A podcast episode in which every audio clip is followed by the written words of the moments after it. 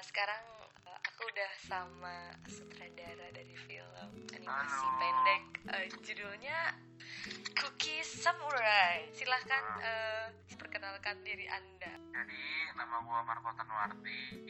Gua itu eh, ma- mahasiswa animasi di UMN angkatan 2016 dan, dan sekarang sedang mengerjakan TA. Judulnya Cyberpunk. Nanti nonton ya.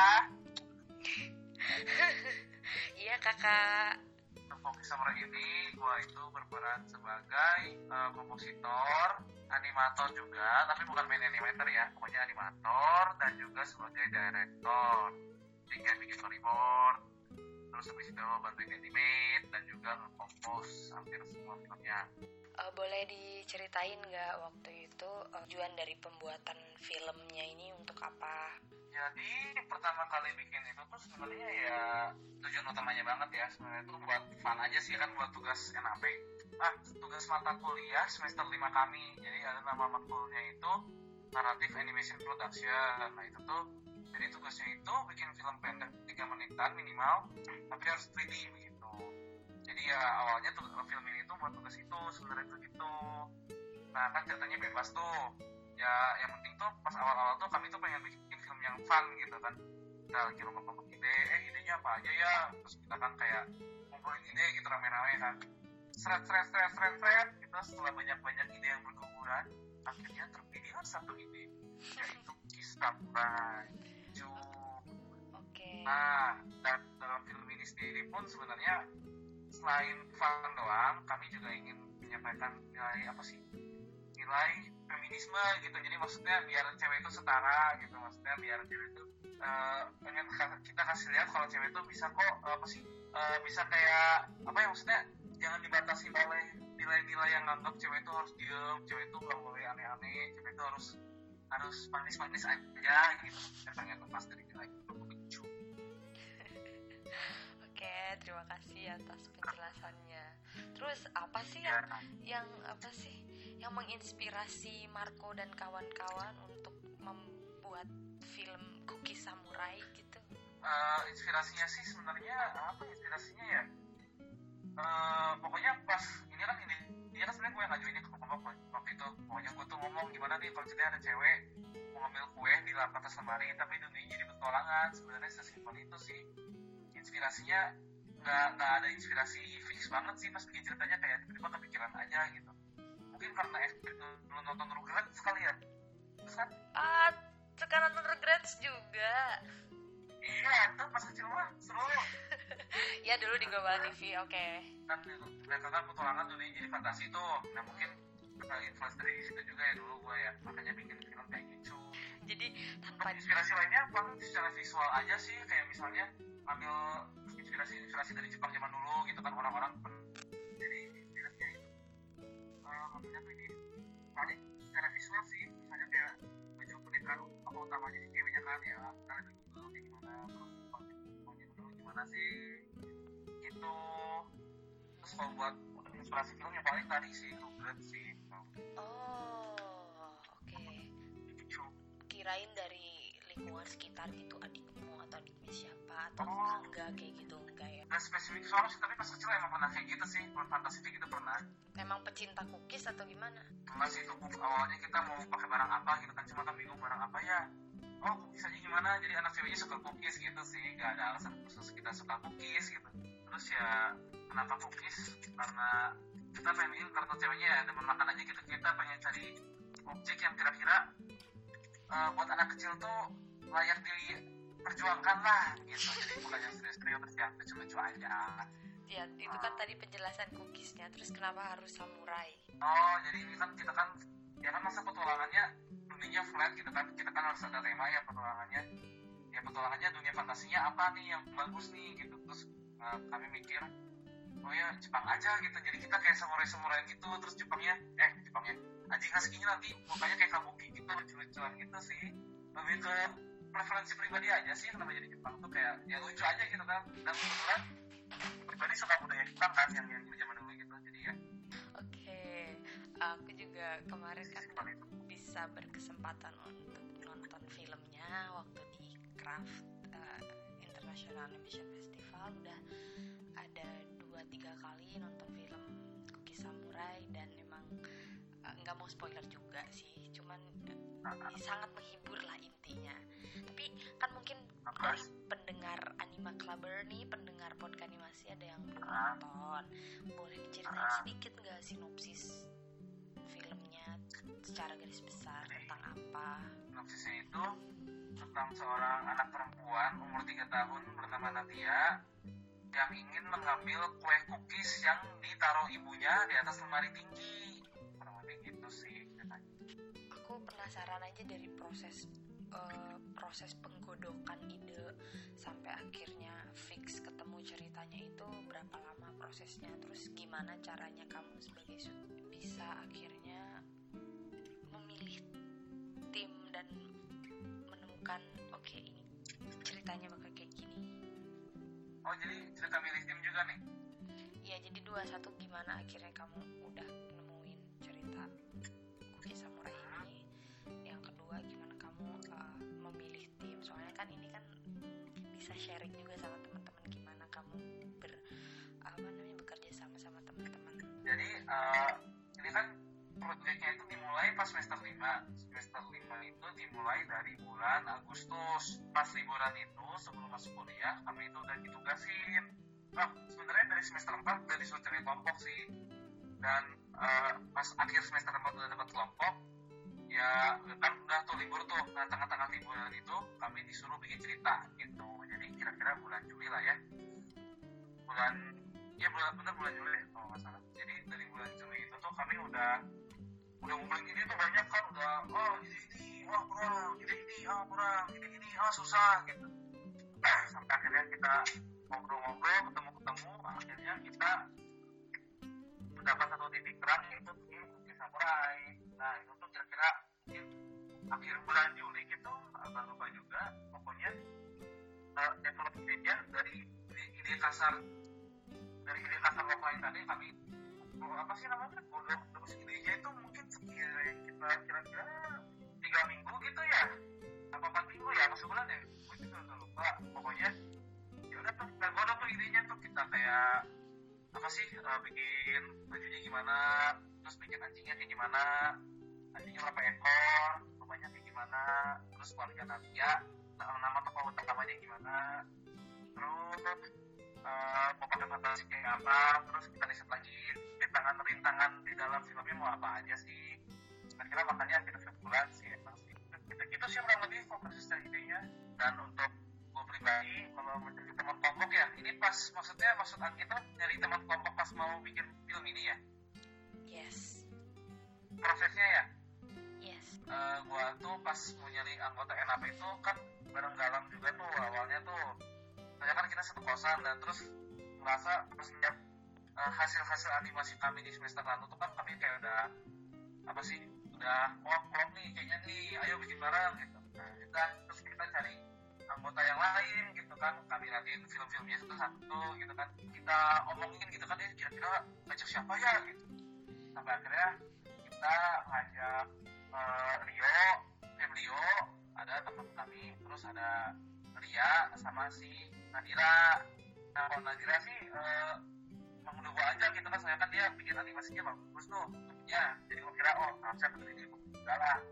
Ya udah gua ajak deh terus dia Rio juga. Kan kalau Ria sama Rio kan karyanya mantap juga tuh pas semester lalu-lalu makanya kami ajak dan yang pasti yang track recordnya bersih sih maksudnya yang nggak ada drama yang nggak aneh-aneh gitu. Yang yang tugasnya kelar semua lah yang bukan bukan deadline tapi nggak kelar juga. Oke sip. Ada lagi yang mau diceritain soal tim? Soal tim ya ya gitu sih Oh, proses nyarinya kurang lebih. Sip, sip. Ah, oke kita udah latar belakang pribadi kamu lah gitu kan. Penasaran sebelum akhirnya kamu di titik sekarang bikin film animasi. Dulu kamu gimana ceritanya bisa akhirnya di jurusan animasi emang dari dulu? Dari kecil suka animasi atau gimana? Wah bisa lumayan panjang ini sepertinya. Satu abad enggak ya? Kenapa oh satu abad. Bisa sampai masuk animasi gitu ya? Pas gua umur lima itu tuh gue inget banget gue kan coret-coret gambar tuh gambar-gambar. Nah gue tuh niru ini. Niru gambar di cover buku anak-anak itu yang gambar gajah lucu-lucu gitu. Loh apa di majalah Bobo kah? Bukan kayak buku gambar anak-anak itu loh. Yang buku gambar A, A4 tapi covernya bocah gitu ya. Oh iya. Eh gitu kan. Kan gue niru tuh. Gue lupa gambar apa. Terus mami gue tuh muji gitu. Ya gambar kamu bagus tuh nah sejak itu gue gambar gambar nah kan gue kan jadinya gambar mulut tuh.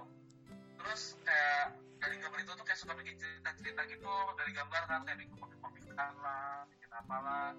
Terus kalau misalnya gue main pakai mainan juga gue kayak bikin skenario skenario bodoh gitu loh kayak oh aku buka lakukan kok.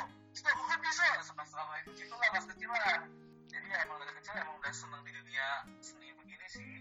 Sama dunia storytelling emang seneng gitu. Kan dari kecil kan terus komik juga ya nah terus kan ya begitulah kan hidup berjalan gitu. Sampai gua SMA itu gua bikin film pas SMA jadi eh, pokoknya panjang ceritanya intinya gua pas 10 itu mulai bikin film. Karena eh, apa sih ada tugas bikin film lah gitu. Dan gua kan bikin film tuh di Sonono.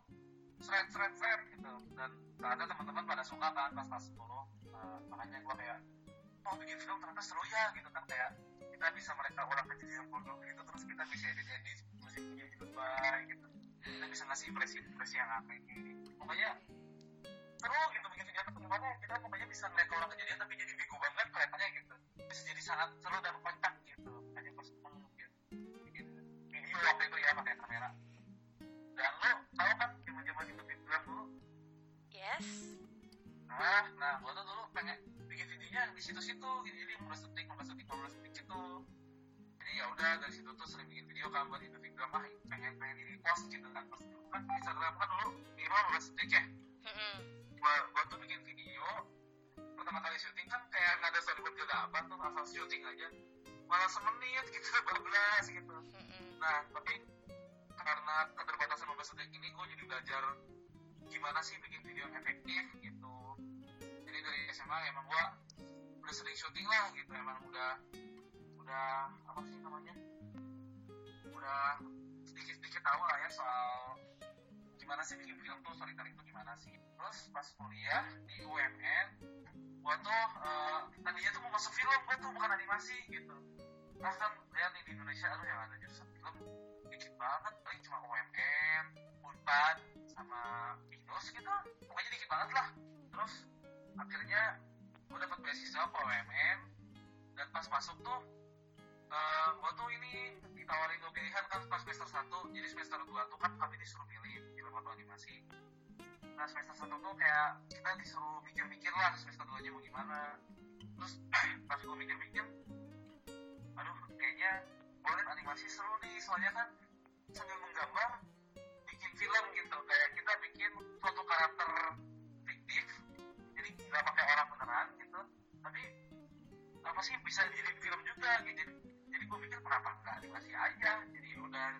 animasi deh dan gue ngerasa gue sangat sangat cocok sih masuk animasi. Makanya gue nggak ngerasa saja sama sekali. Dan gue sangat happy sih masuk animasi.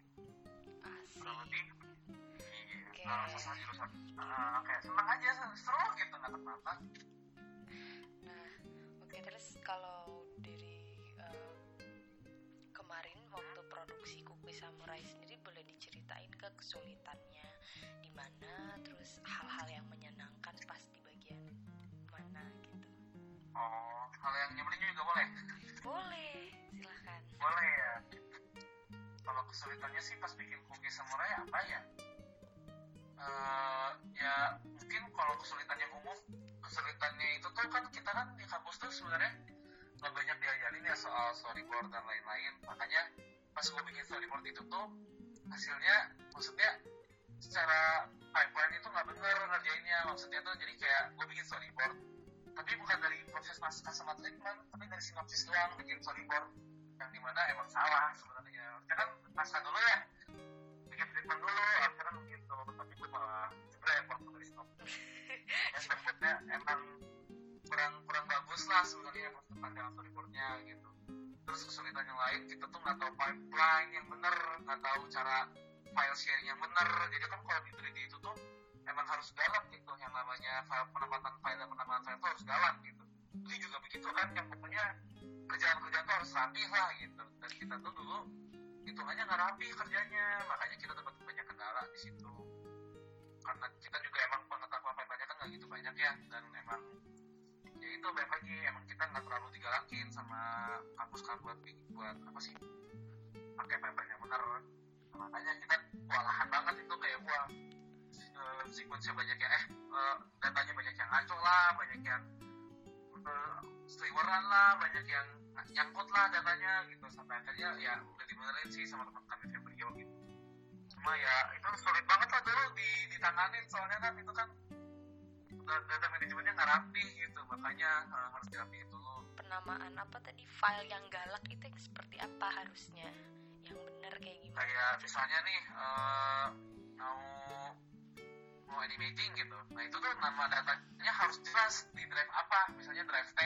Drive T semua kalau misalnya PC lain drive D langsung harus di assign ulang itu satu-satu.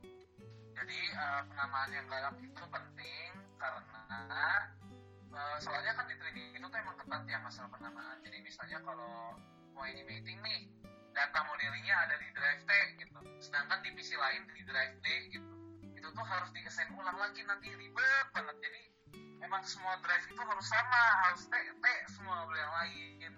Dan itu yang bikin ribet dan kita kan nggak tahu tuh waktu itu makanya chaos gitu. Pas pindah data ke PC lain wah maconya gitu. Jadi eh, apa sih namanya sangat-sangat menghambat produk sih. Soalnya kalau kayak gitu kan file mayanya harus di setting setting lagi sampai sana lagi tapi sama-sama udah berapa menit eh berapa menit amit amit lah pasti semuanya nyambung lagi gitu jadi kalau pada itu terus dua kali langsung kebuka gitu nah waktu hal itu terjadi itu uh, langkah pertama yang kamu lakukan sebagai leader ngapain berantem Leader leader ya, leadernya juga sih kan yang manajemen yang manajerial itu galang.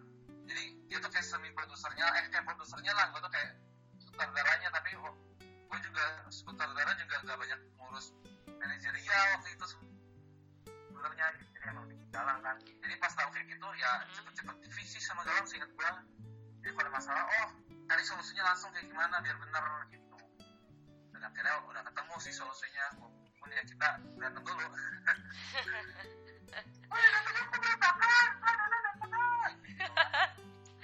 oke. Iya tadi udah ngomongin yang pika sebelum eh speak jadi ngomong Sunda yang nyebelin yang ya itu kan hal-hal yang pasti terjadi dan kalian juga kan per pengalaman pertama untuk produksi produksi film 3D ya? Uh, nah ya jadi masih banyak hal-hal kan yang belum kalian ngerti. Terus pasti kan di balik itu ada yang uh, hal-hal positifnya juga yang hal-hal yang baik lah yang mungkin kamu harus kasih tahu juga ke orang-orang biar semangat pas bikin film 3D kalau yang seru sih ya bikin film tuh seru gitu menurut gitu. Jadi walaupun ya caranya ngaco tapi tetap semangat gitu bikin filmnya bagus tuh kayak gini gitu. Jadi kayak motivasinya pokoknya bikin film yang bagus makanya kayak ya hevan hevan aja sebenarnya terus yang seru lagi pas ujian animasi ini tuh banyak belajar gitu. Jadi oh salahnya di sini jadi tahu gitu. Oh salahnya jadi nanti next produksi kita nggak gitu lagi gitu. Dan yang seru tuh ya bondingnya gitu. Jadi kan kita kan kerja juga kan pasti ada bercandanya lah ngobrolnya lah. Nah di situ tuh seru gitu bondingnya tuh. Jadi kita kan kayak ngobrol satu sama lain bagi pandangan ini animasi gimana ya? Bagus ya. Terus ya kita ada bercanda lah. Gitu gitu jadi bondingnya juga seru kok gitu. Dan yang seru tuh lebih serunya lagi pas udah jadi. Dan pas pas udah jadi dan pasti nonton itu seru banget gitu kan. Dan reaksi orang ketawa-tawa hahaha hehehe gitu. Senengin itu juga. Terus proses directing juga seru sih. Kayak misalnya ngedirect si gopoknya kan kita kan ada karakter anjing tuh. Pas bikin karakter anjingnya nangis nangis tuh angkat lah seru lah pokoknya gitu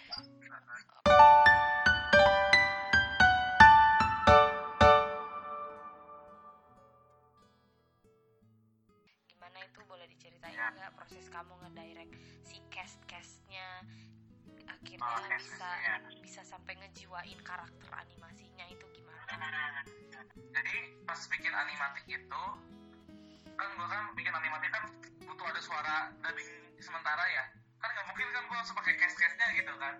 Jadi gue pakai suara sendiri dulu sebenarnya di situ tuh. Jadi gue rekam sendiri suara gue pakai suara-suara blow on gitu lah. Jadi suara Natia nih misalnya nih. Kan dia ada ngomong Uki jelek. Nah itu gue peragain dulu. Uki jelek. Eh eh eh. Jadi gue peragain peragain bodoh kayak gitu dulu dah. Pakai naskah juga kan kayak ditulis gitu loh dialognya apa aja. Nah habis itu kita cari deh siapa yang suara cocok gitu. Mereka kan kayak ya isi suara Natia kan Nah, kalau gue sih gitu ya, jadi lebih efektif gitu, jadi lebih cepat gitu ya. Jadi udah dapat suara preview dulu gitu. Jadi nanti pas ke casting ke ke cast, ya udah tinggal kasih dan contoh suaranya aja nih. Gue mau suaranya kayak gini. Jadi gue ngadainnya nggak terlalu capek lah gitu. Nah, Jadi semuanya itu kamu yang pertama eh, buat maksudnya semua karakternya tuh kamu sendiri yang kamu dap. Iya, iya mau bokok, mau anjing, mau ibu, semuanya gue. Oke. Dia nakal ya, gue bikin bingung gitu lah. Hoka hoka bento. Hoka bento. Ups, spoiler, sorry sorry. iya kan sedikit lah apa-apa terus pas ngedirect itu jadi kan kita kan cari tuh siapa yang cocok nah kalau nanti itu ya cocok dia salah satu anggota kelompok di kami gitu terus ya kita rekaman gitu terus bisa take berulang-ulang sih sampai sampai bisa gila lah 20 kali buat satu suara doang gitu. Tapi ya hasilnya ya, worth it lah. Kayak gue direct eh, misalnya ini suaranya kayak gini terus ngomongnya mungkin jelek gitu. Terus gue kayak peragain dulu terus gue kasih tahu nih lu bayangin ya Ri. Lu tuh eh, mau dikasih buku kue tapi gak boleh sama mami kayak membuat si case-nya si drivernya itu merasakan hal yang sama dengan karakternya gitu. Eh, kayak anjing juga gitu teman gue jadi anjing juga ya ya lu kayak anjing ya kayak apa kayak gitu terus ya dilakuin Iya itu. kalau kalau gue pribadi kan gue udah ngerti nih uh, actingnya bakal gimana jadi kalau gue sendiri yang ngisi gampang gitu ya udah tinggal tinggal beraksi aja gitu kayak misalnya gue ngisi suara sipuk kan anjing puk gue kemarin kayak kayak gitu juga Kok bagus banget ya belajar dari mana ya? Pernah kursus suara binatang apa gimana? gak pernah ada emang bagus gitu lo masih dengan orangnya Persis. persis kayak anjing ya orangnya juga Oke oke. nah Kalau untuk eh, animate-nya sendiri itu gimana kalian Ah. perlu acting juga atau gimana biar Ya, aja? betul. Jadi pas bikin uh, Anggi ingat gak bagian yang Natianya manjat manjat tebing? Iya. Nah itu tuh kami syutingin dulu gitu. Jadi kayak eh bukan syuting. Perasaan itu gue bikin dulu dari sebelum syuting deh. Jadi agak salah sih kalau yang itu. Pokoknya kalau mau animate harus ada referensi videonya lah mau kayak gimana gitu. Jadi kita actingin kalau gerakannya susah nih. Kita suruh actingin teman yang bisa lah gitu. Jadi pura-pura jadi bayi manjat tebing kayak gitu-gitu. Atau mungkin kadang-kadang gue acting juga gitu. Kadang-kadang actingnya on the spot jadi sambil di komputer sambil beraksi kayak orang bingung gitu. Eh, nyimpen nyimpen cermin gak di sebelah monitor atau punya kaca besar? Empat, empat. Terus Ada ini gue ada kaca kok di sebelah di sebelah itu. buat ini ya facial expression gitu ya? Iya, kalau ada pus nanti harus ada. Kalau nggak mah, mah aneh nanti ada. Bagaimana caranya kamu bisa menyip- menciptakan eh, proses produksi yang menyenangkan gitu? Itu seolah-olah meskipun itu jadi hal misalnya kan itu pertama kali buat kalian bikin, tapi Hmm. Eh, ini mungkin balik lagi ke masing-masing anggota kelompoknya ya. Karena kalau anggota kelompok gua, gua tuh merasa mereka tuh semuanya eh, emang ambisius sama di project bukan ambisius dalam artian yang buruk ya. Maksudnya ambisius yang sama-sama pengen bikin yang bagus, kita sama-sama pengen bikin film yang mantep gitu. Jadi semuanya emang udah seneng dari awal, makanya itu kata gua udah ngegampangin gitu. Jadi emang dari awal ya sudah udah happy semua, udah senang sama ceritanya, senang sama karakternya. Jadi ya tinggal sikat aja dari awal tuh memang harus udah seneng, spiritnya udah sama Ah. kalian semua itu. Nah, kalau nggak salah sama ceritanya mah apa seru ini juga ya berarti itu bisa jadi tips ya tips buat temen-temen lain gitu yang mau bikin Memang menyenangkan harus dari awal dulu sama karya sama idenya. Kalau nggak sama mah setengah hati ngerjainnya juga. Itu kalau gua sih. Tadi nanya juga ya perasaan ya gimana caranya jaga mood atau enggak gue lupa deh. Ya gimana biar biar caranya? tetap iya. Biar pada happy masih masih seneng semangat ngerjain gitu ya. Kalau gue kan seneng bercandanya orangnya ya. Jadi ya ngebanyol aja di grup gitu mungkin itu salah satu cara biar moodnya tetap terjaga gitu kayak banyak-banyak ngobrol bercanda gitu jadi nggak tegang mulu gitu bawaannya bawaannya ada ada bercandanya ya nggak banyak. usah terlalu tegang kayak gitu. kalau nggak ngobrol juga bisa stres ada nggak sih kegiatan eh, kalian di luar produksi ngapain gitu sama tim oh oh paling ini pas akhir-akhir hari mau produksi kan kita kan semua nginep nih di rumah Rio Rio jadi dia dia nyediain tempat di rumahnya itu kerja bareng gitu kan. Nah kebetulan waktu itu tuh kucingnya baru melahirkan banyak banget anaknya. Ada ada tujuh ekor gitu sama mulut anak kucing satu gitu. Jadi ya kalau kita bosan mainin kucing dia aja dari keluarnya gitu. Kebetulan juga mainin kucing. Jadi itu mainan kucing tuh jadi kayak stress relief gitu ya? Nah, nah. ya nggak stres-stres amat lah dengan adanya si kunci si main-main gitu. Oke ada nggak sih film eh, film 3D lain yang menginspirasi kalian selain dari eh, film Rugrats gitu yang jadi referensi Oh ada ada ada referensi visual itu kan waktu itu kan baru keluar tuh Spider Verse. Nah jadi kita tuh ada ada ngambil stylenya Spider Verse itu kan kayak komik-komik itu. Nah kami tuh ada masukin lah ke salah satu sini Kopi Samurai gitu. Jadi biar ada efek-efek kayak kayak wah kayak visualnya unik lah gitu kayak kami coba coba niru-niru dikit gitu ada. Ingat nggak pas bagian klimaksnya itu yang dia loncat. Iya. Nah, itu tuh dari Spider-Verse kita referensinya. Yang ada efek-efek terbaik tuh belakang yang wah, berat, yang yang heboh, ingat ya? Mm-mm, mm-mm. aku sih inget tapi yang ngedengerin yang lain nggak ngerti. Orang-orang yang lain nggak tahu tuh. Makanya kemarin Biar datang ke penasaran. craft iya biar makin penasaran ya ya gitu lah. Main referensinya lumayan kuat sih dari situ. oh iya aku tuh sampai lupa mau bilang kan teman-teman ada yang belum tahu ya anima clubber yang lain oke congratulations ya buat eh, Marco dan tim atas terpilihnya Iya, Cookie Samurai sebagai special mention for 3D animation wah. Iya. Gimana perasaan kalian apalagi kemarin tim hampir semuanya datang ya? Ah, senang sih liburan bareng.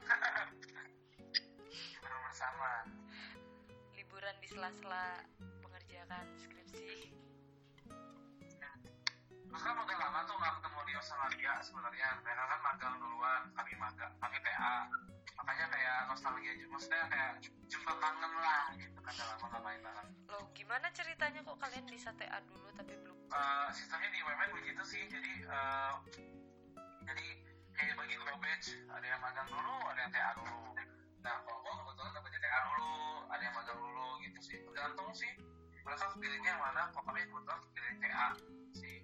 Kalau mereka maunya magang dulu, Rio Lia.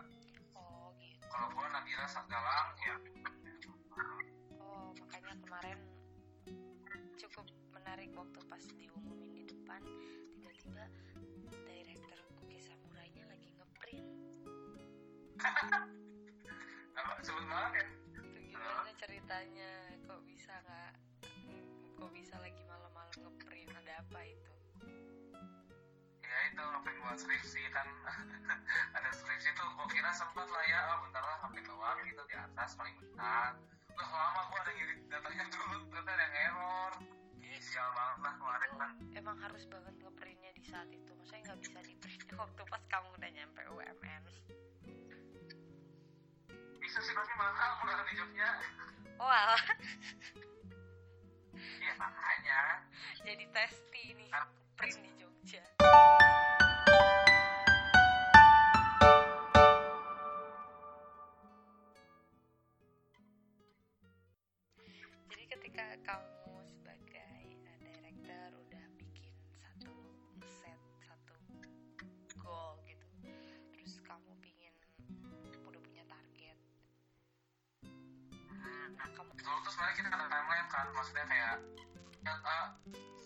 perkiraan jadwal sampai kelar tuh mau ngapain aja gitu.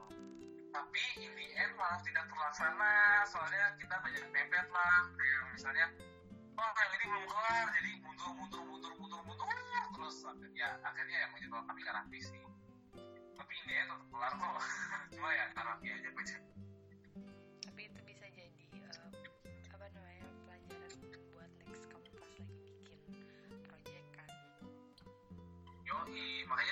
kan kita udah banyak belajar, jadi udah tau lah dosa-dosanya pas semester lalu. Jadi sekarang udah, udah mendingan Mas Peter. apa aja yang bikin Udah mendingan tahu kan. Bikin apa? iya apa aja yang udah bikin mendingan yang udah ngebedain proses yang cookie samurai sampai sekarang Misalnya kalau dulu pas eh, mata kuliah itu, kami itu pakai shortlistnya sembarangan gitu, jadi nggak lengkap datanya kayak misalnya animatornya siapa tuh eh, ada sih emang animatornya siapa cuma kayak status sudah kelar atau belumnya pokoknya pendataannya nggak rapi listnya jelek gitu. Jadi pas gua TA gua kayak belajar kan oh ini tuh cara bikin list yang bener jadi gua udah ikutin cara bikin shortlist yang bener. Sedangkan shortlist gua pas bikin cookies itu sangat-sangat tidak profesional listnya gitu. Kayak ya seadanya gitu. Nggak bisa di track. Jelek pokoknya gitu terus eh, hal lain yang kami yang kami jadi hal yang banyak kami pelajarin selama yang pas NAP itu yang sadar dosa-dosanya tuh salah satunya bikin shortlist. Jadi pas gua NAP pas bikin matkul cookie samurai itu shortlist kami itu sangat-sangat tidak rapi gitu kayak seadanya gitu kayak nggak bisa di track apa aja sih yang udah kelar gitu. Pokoknya sangat-sangat tidak tidak tidak profesional. Makanya pas TA kami gua di kelompok TA ini udah lebih bagus lah udah udah lebih mantap gitu udah gua udah ngikutin yang punya kakak kelas udah banyak referensi jadi lebih gokil harusnya shortlistnya gitu. Gokil. Terus kami juga belajar kan pakai jadi kami pakai aplikasi namanya DriveStream. DriveStream itu tuh eh, jadi lu bisa pakai Google Drive tapi nyambung sama Windows Explorer gitu. Jadi ngatur datanya enak banget lah. Jadi kami juga kerjanya jauh lebih rapi lah dibandingkan HP. Nice nice. Nice jadi itu bisa dijadiin eh, tips ya buat temen-temen. Oh iya tuh harus pakai Google Drive Stream kalau mau kerja enak. Google tapi Drive sebagai student ya gratis. Iya, apa tadi namanya? Google Drive Stream. Oke. bagus banget buat ini buat kerja yang megang jadi datanya rapi banget. Boleh dicoba ya, teman-teman. Pakai harus dicoba malah banget. kerja kerja remote harus Oh. harus kata gue ada aplikasi lain sih sebenarnya cuma kata gue kalau pokoknya kalau kerja remote harus harus cari software yang bagus lah Boleh diceritain nggak eh, prosesnya waktu itu gimana akhirnya film si Cookie Samurai ini bisa masuk craft? jadi kenapa bisa masuk kelas itu kan jadi kan filmnya udah jadi nih kan sayang dong masuk di alis doang jadi sama si Galang manajerial kami itu dia kayak submit ke banyak festival gitu. Dan akhirnya nyangkut deh satu di pen gitu. Tapi kan yang di email kan tuh saudaranya ya. Ya which is gua gitu. Tapi gua malah lupa cek email gitu. Karena ya notif juga kan nggak nggak masuk HP ya. Jadi kalau mau ngecek email tuh harus diklik dulu kan. Pas lihat pas diingetin di Instagram kan sama crashnya kayak oh sudah kembali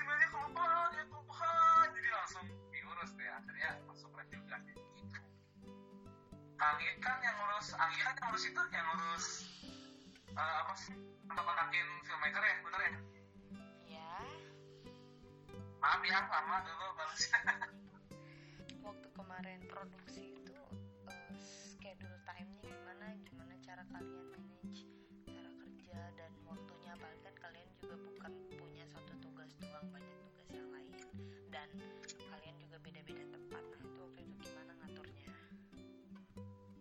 ngaturnya jadi kami ya pokoknya ada per minggu tuh kita ada target kan sebenarnya ngerjain apa ngerjain apa. Cuma kadang-kadang suka molor gitu kayak ternyata ini belum kelar ternyata itu belum kelar. Jadi banyak banyak molor lah. Tapi kami tetap berusaha berusaha kelarin target gitu. Jadi kayak di target di kelarin rigging kelarin gitu. Terus kalau udah datanya nanti diupload terus nanti temennya gimana ambil datanya terus diatur lagi gitu bagi-bagi tugas ada yang texturing ada yang modeling gitu gitu pokoknya ya seperti biasa lah pokoknya. Tidak ada yang gimana gimana gitu. oke. Aku juga ngelihat dari uh, apa ya visual animasinya kan ada sentuhan-sentuhan digital painting gitu. Ada alasan tertentu nggak kenapa akhirnya pakai style seperti itu? Uh, sebenarnya uh, alasannya biar ini aja sih biar stylish aja sih nggak realis gimana gitu kenapa itu agak painting gitu ya. Uh, karena style kan kami kan itu kan yang texturing karakternya tuh Ria ya dan emang style gambarnya kan emang mau dicocokin ke arah sono ya agak-agak stylized gitu. Jadi ya ya udah stylized aja gitu.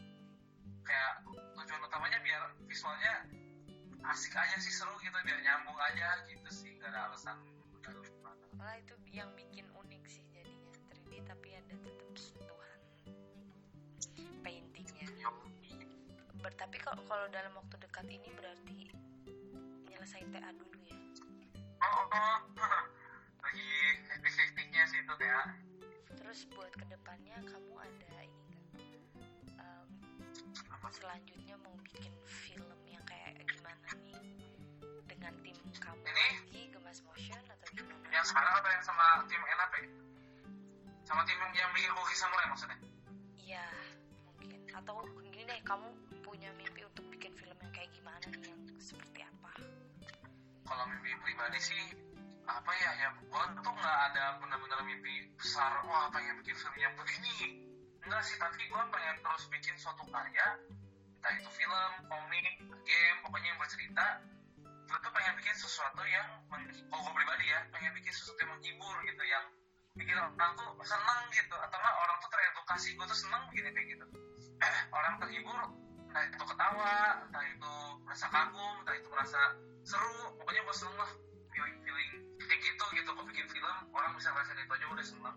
Jadi gue sebenarnya pengen berkelanjutan sih bikin bikin sesuatu yang bisa menghibur orang kalau gue pribadi gitu sih. Terhibur lah kan. Terus orang yang menginspirasi di dunia animasi siapa? Ada nggak? Oh gue pertama kali inspirasi itu bukan dari dunia animasi justru tapi dari dunia manga gue tuh kan lihat yang bikin One Piece Eiichiro Oda gimana ya? Gue tuh kayak seneng liat karyanya itu kayak kayak seru banget.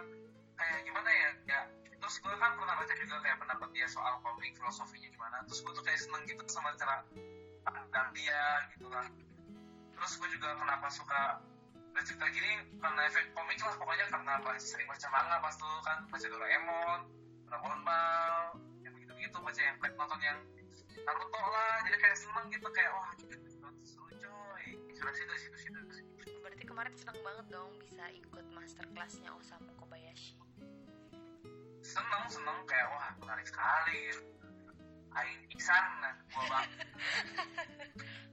Oh, jadi juga boleh dong diceritain menurut kamu kemarin waktu uh, buat teman-teman kan yang nggak tahu misalnya craft animation bisa ceritain sedikit gitu kamu pengalaman kamu kemarin gimana sih sama Cookie Samurai di sana? Di Oh sih kayak lihat ekspresi orang-orang nonton kan kayak ketawa kayak hahaha kayak seneng gitu kayak wih kayak gimana ya pokoknya gue tuh selalu seneng lihat reaksi orang kalau pas lihat film yang gue bikin gitu kayak dan ekspresi seneng mereka lihat mereka kayak kayak lu lihat karakternya kayak lucu gitu. Gue tuh seneng lah kalau bisa berhasil bikin orang seperti terus trend itu ya banyak belajar juga sih kan. Soalnya ketemu sama orang-orang luar ya. Kita kan bisa banyak sharing gitu. Kayak dapat insight banyak lah. Pokoknya Iwat Life gak sia-sia lah. Pokoknya sangat-sangat menarik dan bagus. Jadi kalau ada film karya bikin sekalian yang bagus terus abis itu langsung dikirim-kirim ya? Di submit. Ya aku bisa nge-craft ya apa? Craft ya dua, dua tahun sekali ya teman-teman. Stay tune terus. Oke. Ada satu ya sebelum sebelum mengakhiri podcast ini ada pesan-pesan nggak sih Marco dari dari kamu buat siapa? buat teman-teman? Ke siapa? Ke yang mendengar. Ke para pendengar podcast animasi ya semangat atau pesan tips and trick tentang animasi Ah. 3D apalagi khususnya mahasiswa-mahasiswa ya apalagi yang lagi pada TA kalau saran gua sih buat animasi bu- buat ini deh buat anak-anak animasi yang kuliah atau SMK jadi saran gua oh, saran gua pribadi sih lebih ke sesama pelajar animasi ya kalau gua pribadi sih nyaranin belajarlah pipeline karena pipeline itu sangat sangat sangat penting gitu. Jadi percuma mau punya teman sejago apa pun di kelompok lu mau punya lima orang edan banget skillnya kalau nggak bisa di manage pipeline-nya jelek hasilnya juga jelek percuma gitu. Bagusnya setengah-setengah. Jadi emang harus banget belajar pipeline.